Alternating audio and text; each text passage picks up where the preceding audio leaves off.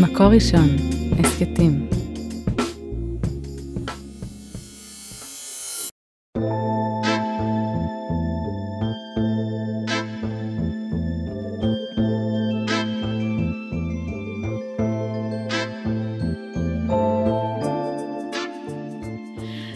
משלך, בעקבות האנשים שהיו פה לפנינו והמתנות שהן אה, הורישו לנו. ברוכות וברוכים הבאים אה, לעוד פרק, כאן אה, עליזה לביא, בסדרה של טיול לאורך ההיסטוריה היהודית, בעקבות נשים שהיו פה לפנינו.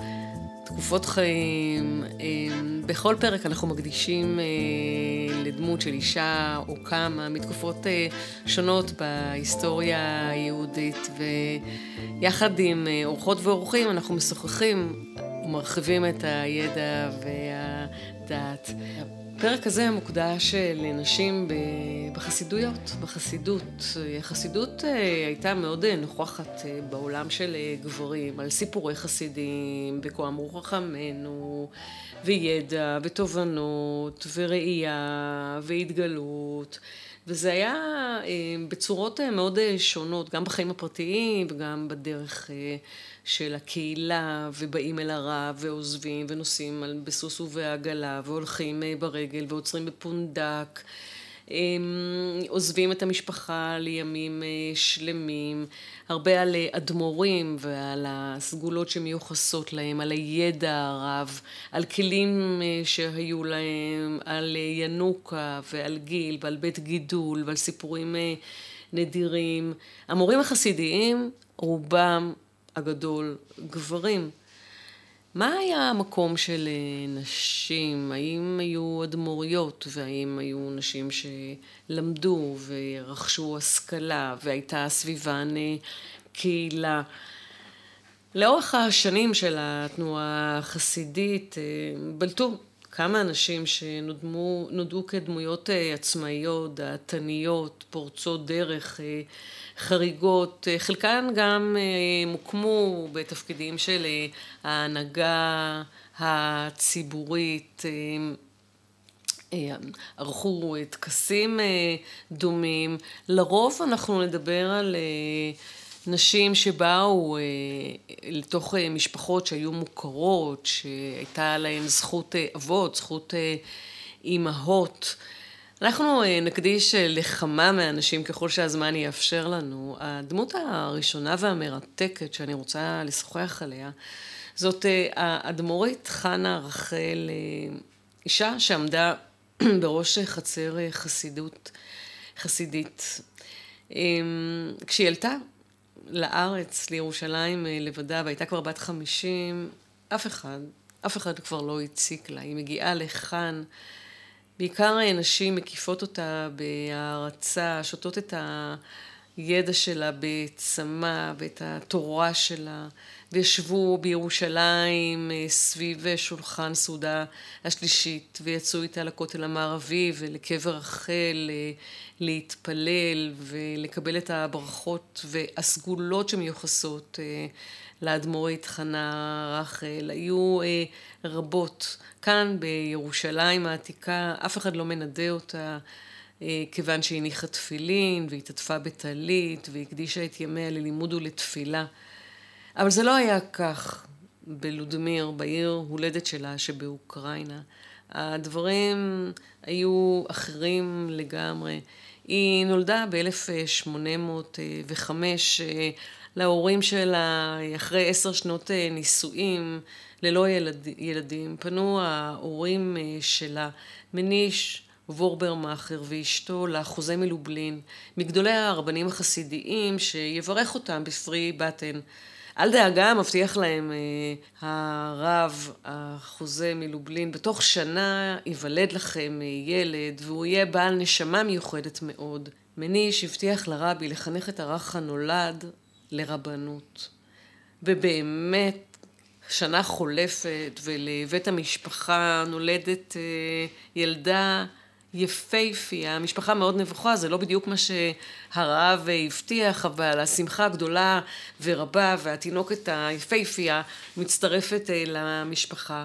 והאבא שהיה סוחר אה, מאוד אה, עשיר, קיים את ההבטחה שלו לחוזה מלובלין וחינך את הבת ללימוד, וככל שהיא למדה ביקשה הילדה עוד ועוד ועוד, והייתה סקרנית, מאוד מאוד חכמה, זכרה את הכל. כל מה שאבא שלה לימד אותה, היא זוכרת ושואלת ומקשה, ומהר מאוד אביה מבין שהבקיאות שלו קטנה על הבת אה, שלו. היא הייתה שעות מסתגרת בחדרה ולומדת מן הספרים, וכשלא למדה, התפללה.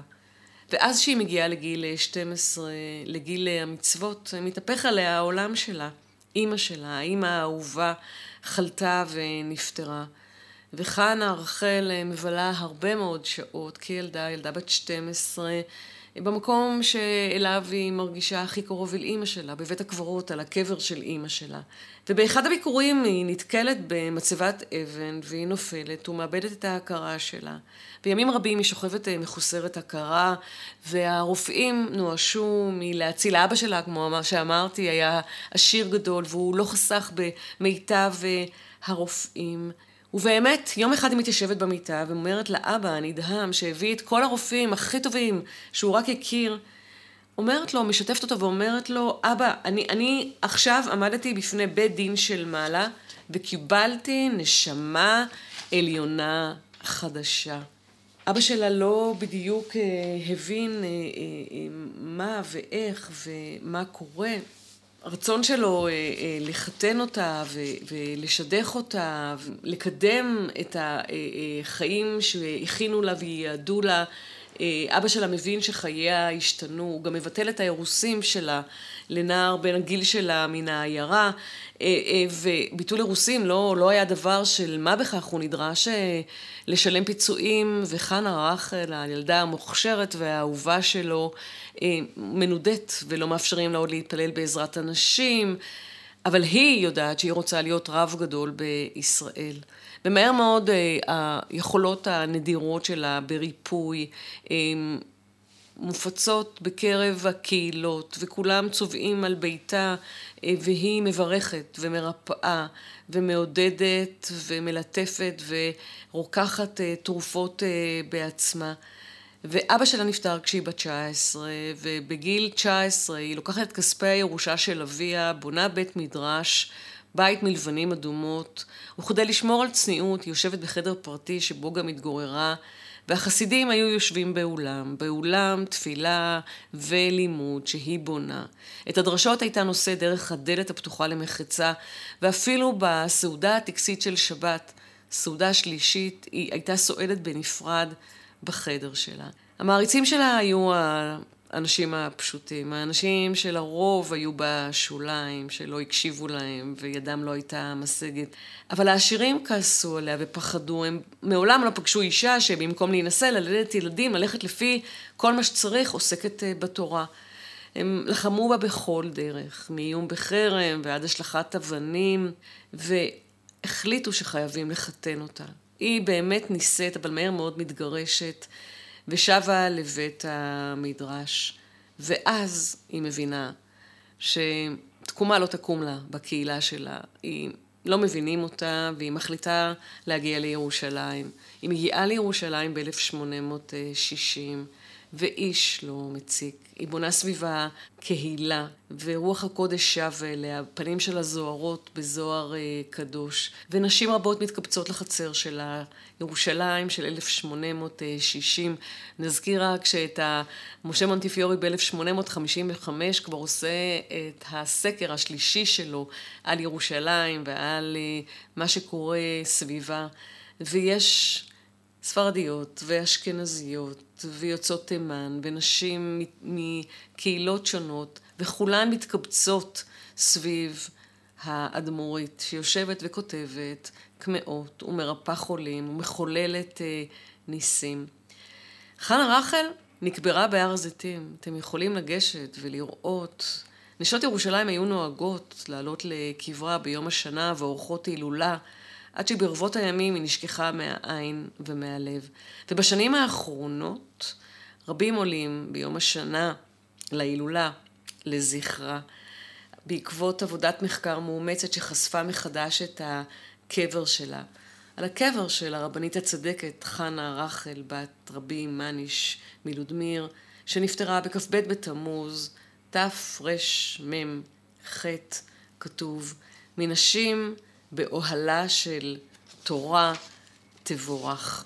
על נשים בחסידות ועל עוד דמויות אה, מרתקות שהיו בה, אני מבקשת אה, לשוחח עם אה, העיתונאית והיזמית החברתית שרה בק, שהשיקה ומחזירה לנו דרך המדיות הקיימות, העכשוויות, את זושה מגלים את הסיפור החסידי, פרויקט שמציג סיפורים אה, חסידיים ומבאר אותם על מנת להנגיש אותם לחברה הישראלית, וגם את חכימה, שזה מאגר הסיפורים של חכמי המזרח.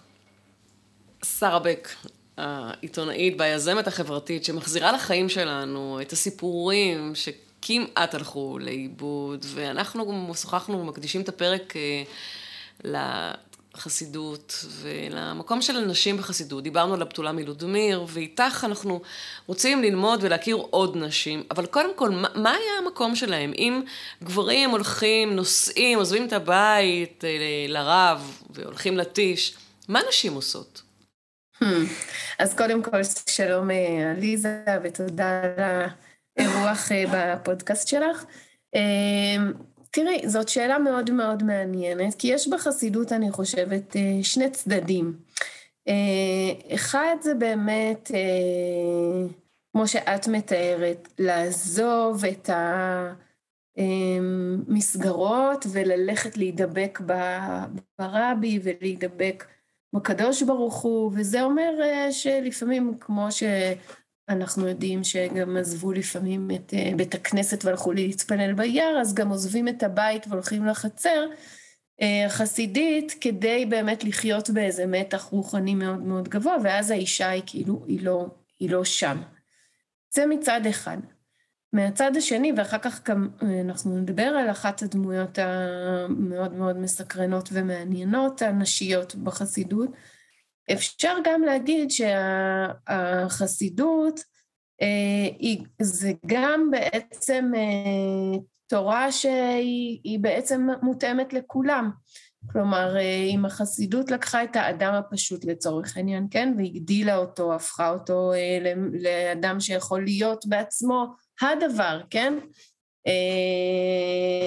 אז, אז גם האישה מהבחינה הזאת יכולה להיות אותו, אותה, אותו, אה, אותה עובדת השם, אותה זאת שקרובה להשם אפילו ממישהו אחר, מהבחינה הזאת החסידות מציעה גם את זה. אמ, אבל את ההצעה הזאת, איפה, איפה את פוגשת את ההצעה? באיזה ריטואלים? אמ, ללכת ולגעת באור, או להגיע ליכולות שלך בעזרת פרקטיקות, בעיקר על לעזוב את המסגרות הקיימות ולצאת רגע החוצה כדי לפגוש את בורא עולם אולי. אז בואו ניקח כל מיני אלמנטים ריטואליים, כמו שאת קוראת לזה חסידיים, שהם אה, נגישים. למשל התבודדות, למשל ניגון, למשל ריקוד, למשל סיפור. הדברים האלה שהם כאילו, הם לא באים מעולם ההלכה, אבל הם באים מתוך העולם העשייה החסידי, אלה דברים שגם נשים יכלו לקחת בזה חלק, יכולות לקחת בזה חלק, לוקחות בזה חלק. השאלה, האם יש לנו תיעוד למשל, כהיסטוריונים, כאנשים שהם, כחוקרים של אה, התחום, אז זה את בטח יודעת שזה לא מאוד קל למצוא. אבל כמסורות, כלומר, מאימא לבת, מסבתא לנכדה, המסורות האלה של הריטואלים שאת עכשיו רומזת עליהם, הם, הם, הם נוכחים בחסידויות בקרב נשים? אז זה מאוד מאוד תלוי. אני אתן לך דוגמה שכאילו אנחנו רוצות לדבר על האדמו"רית סיזיה חנה, אה, זה כבר לפני כמה 250 שנה, אה, אבל אני יכולה לדבר איתך על אה, אישה שפועלת היום, כן? לא משהו מההיסטוריה. האדמו"רית מבלז, סורה לרוקח, כן? היא מקבלת קהל, ואפשר לראות תמונות של הצילומים, והיא הולכת עם, היא איזה לבוש אדמו"רי כזה, ויש לה פמליה וגבאיות, והיא קוראת קוויטלח, ויש לה טי, כן? היא, היא גם, היא גם אה, אה, אפילו ראיתי וידאו שלה שהיא מובילה טי של, שגברים שרים. אה, אז יש דמויות כאלה, וסביבה יש הרבה מאוד נשים, כן? אז זה נכון שהנהגת, כתפקיד הנהגתי, רבני, אנחנו רואים פחות דמויות כאלה, אבל אם נחזור רגע למה שהצעתי קודם, אז למשל הנושא של התבודדות. אנחנו יכולים להסתכל על הברסלביות החדשה, אבל גם כמובן זה מגיע מהברסלביות אה, היותר אה, עתיקה, גם נשים לוקחות בזה חלק. קיצור, זה, זה, זה מעניין, זה לא פשוט, אני לא אומרת שזה ברור שיש מקום לנשים בפקידות, וברור שנשים יכול, יוכלו להיות כל מה שהן רוצות. יש גם את האלמנט של לצאת מהבית, לצאת מה, מה, אפילו מהמחויבות המשפחתית אל הרבי. יש כמובן את האלמנט הזה, אבל יש גם אלמנטים אחרים. אפשר למצוא את שניהם. אז אחרי שאנחנו uh, סיפרנו על הבתולה מלודמיר, איתך אנחנו רוצות uh, להכיר באמת את הדמות שהזכרת. Uh, בואי תשתפי אותנו, גם איך את מגיעה אליה, וגם מי זאת ציזיה חנה, שהיא באמת אחת הנשים המרתקות שנהגה כרבי ככל, לכל דבר. נכון. אז רבנית ציזיה חנה מזל, הייתה אישה מאוד מאוד מיוחדת, היא קבורה היום בטבריה. אה, יש לה קבר שאנחנו עלינו אליו אה, ביום אה, פטירתה, היא נפטרה בכ"ד בטבת. מה, בבית הקברות העתיק בטבריה?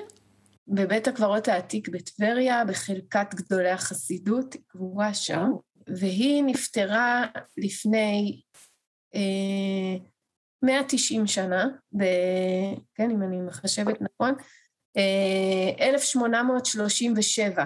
הייתה רעידת אדמה בטבריה. אה, רעידת האדמה הזאת גם הביאה לסוג של אה, כמו צונאמי כזה של הכינרת. אה, היה גל גדול ששטף את כל מי שהיו על גדות ה... לחוף הכינרת והרבה נהרגו, גם ב... בצפת אז היה רעידת אדמה באותו זמן.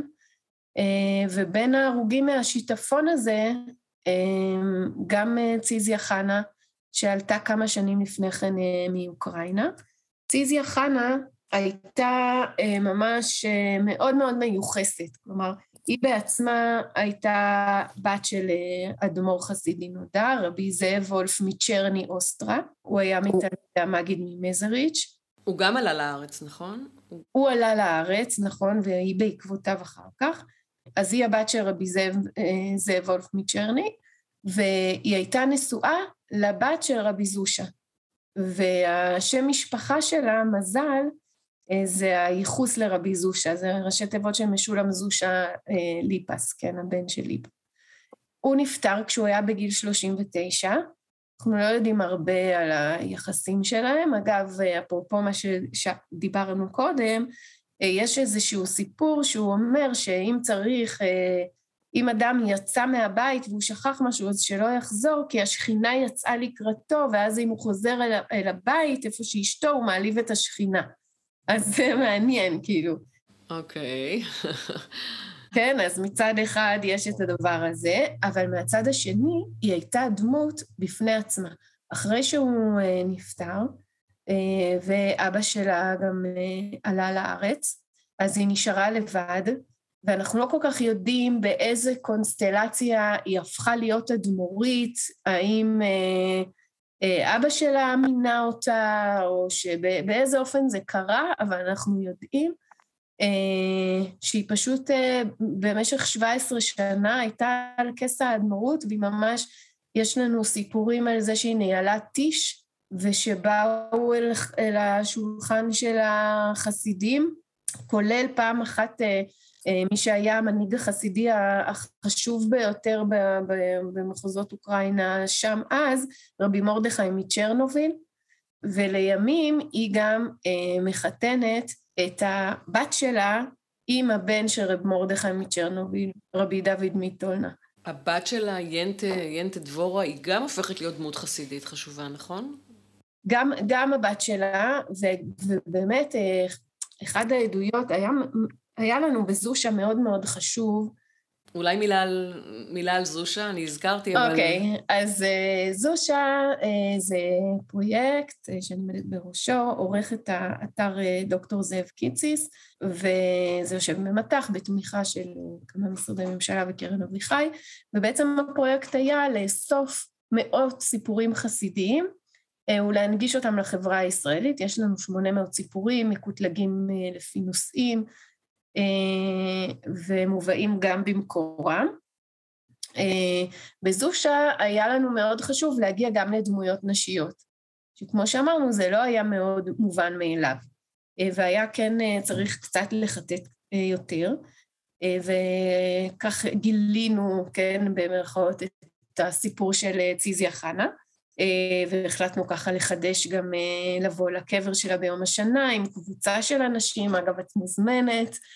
אני אגיע, אני אגיע, אגב, גם, את יודעת, גם אה, הבתולה מלודמיר, חידשו את ההילולה בהר הזיתים, ובאמת יש היום איזושהי חזרה, אבל את יודעת, שתי הדמויות הללו מספרות לנו שהיו עוד דמויות רק שאנחנו לא מכירות, או שהן, את חושבת, מהידע שלך ומהאסופה הנפלאה שהבאתם והחזרתם לציבור, היו מאוד חריגות. מה התחושה שלך? אה, אני חושבת שהן היו חריגות, אבל שיש יותר ממה שאנחנו יודעות. ברור לי שיש יותר.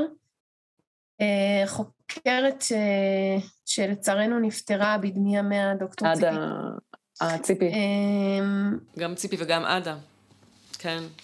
ממש אבדה גדולה, ממש. נכון, נכון. אני בטוחה שהיינו מגלים עוד, ועוד צריך לעשות את המחקר. אז היו, אני מניחה שהיו עוד דמויות, אה, ועדיין זה כן היה חריג, נאמר את זה כך. אני רוצה רגע לספר אה, סיפור שהגענו אליו, שהוא באמת בעיניי אה, רגע ככה, ולשמור. האדמו"רית סיזיה חנה והבת שלה הן עניות.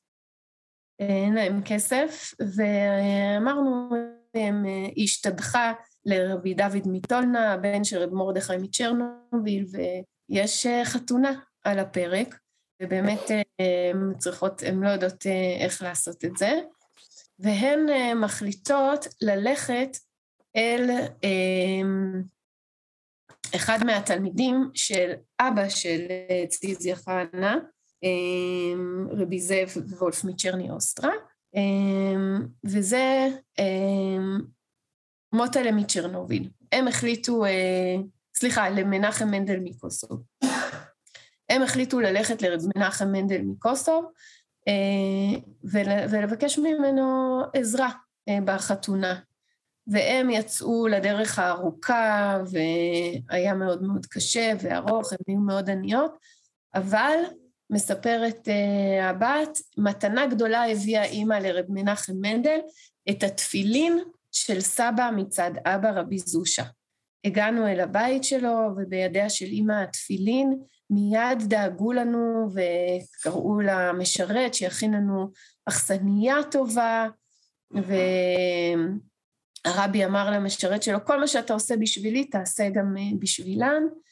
אה, וכך ישבנו כמה ימים באכסניה ונחנו מהדרך הארוכה, ואז בוקר אחד שלח לקרוא לנו אל ביתו, וכשבאנו ביקש שנאמר לו מה, למה, וסיפרנו על החתונה ועל העוני הרב שלנו, ואז הוא אמר לנו, חכו עוד מעט ואראה לכם כיצד אסייע בידכם. חזר אה, אה, רבי מנחם מנדל אה, בחזרה ואמר, בתי כלה נאה וחסידה, קומי, זה נחמד שהוא אומר חסידה ולא חסודה, כמו שאנחנו אומרים, קומי והחזיקי את הצעיף שעלייך כדי שאמלא אותו דינרי זהב. ואז פתח מגירה וחפן בידיו זהובים עד שמילא את הצעיף בזהובים, ואז אמר לאמי, עכשיו תוכלו לערוך את החתונה בלי קושי, ואם הייתי יכול הייתי בא בעצמי אל החתונה, אבל אני לא חש בטוב, והדרך ארוכה עד להגיע לרוסיה.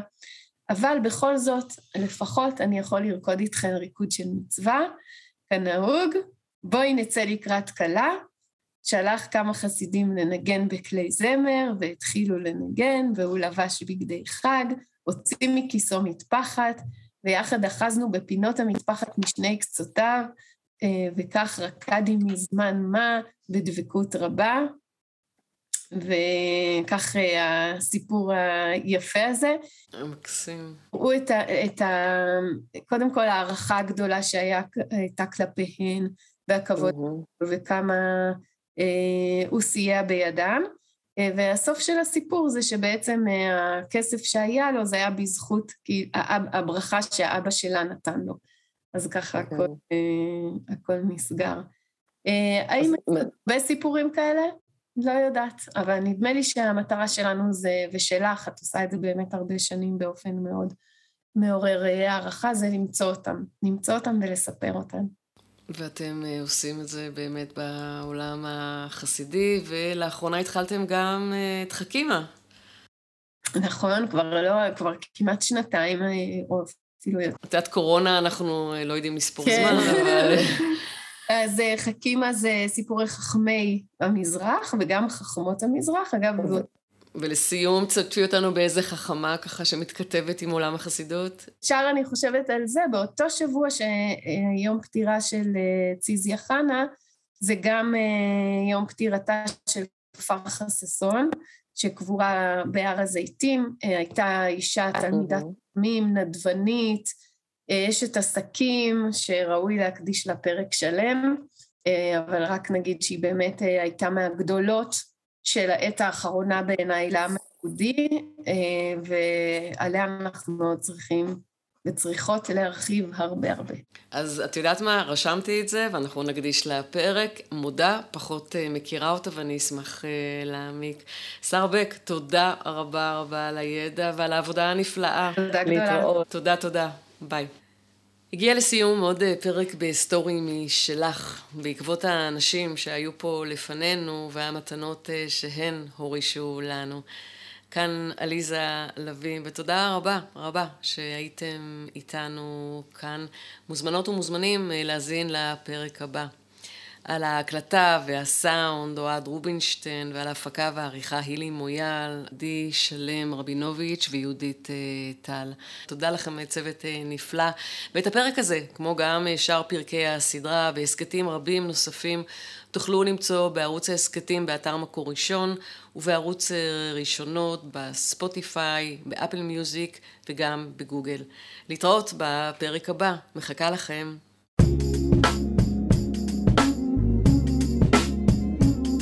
מקור ראשון, הסכתים.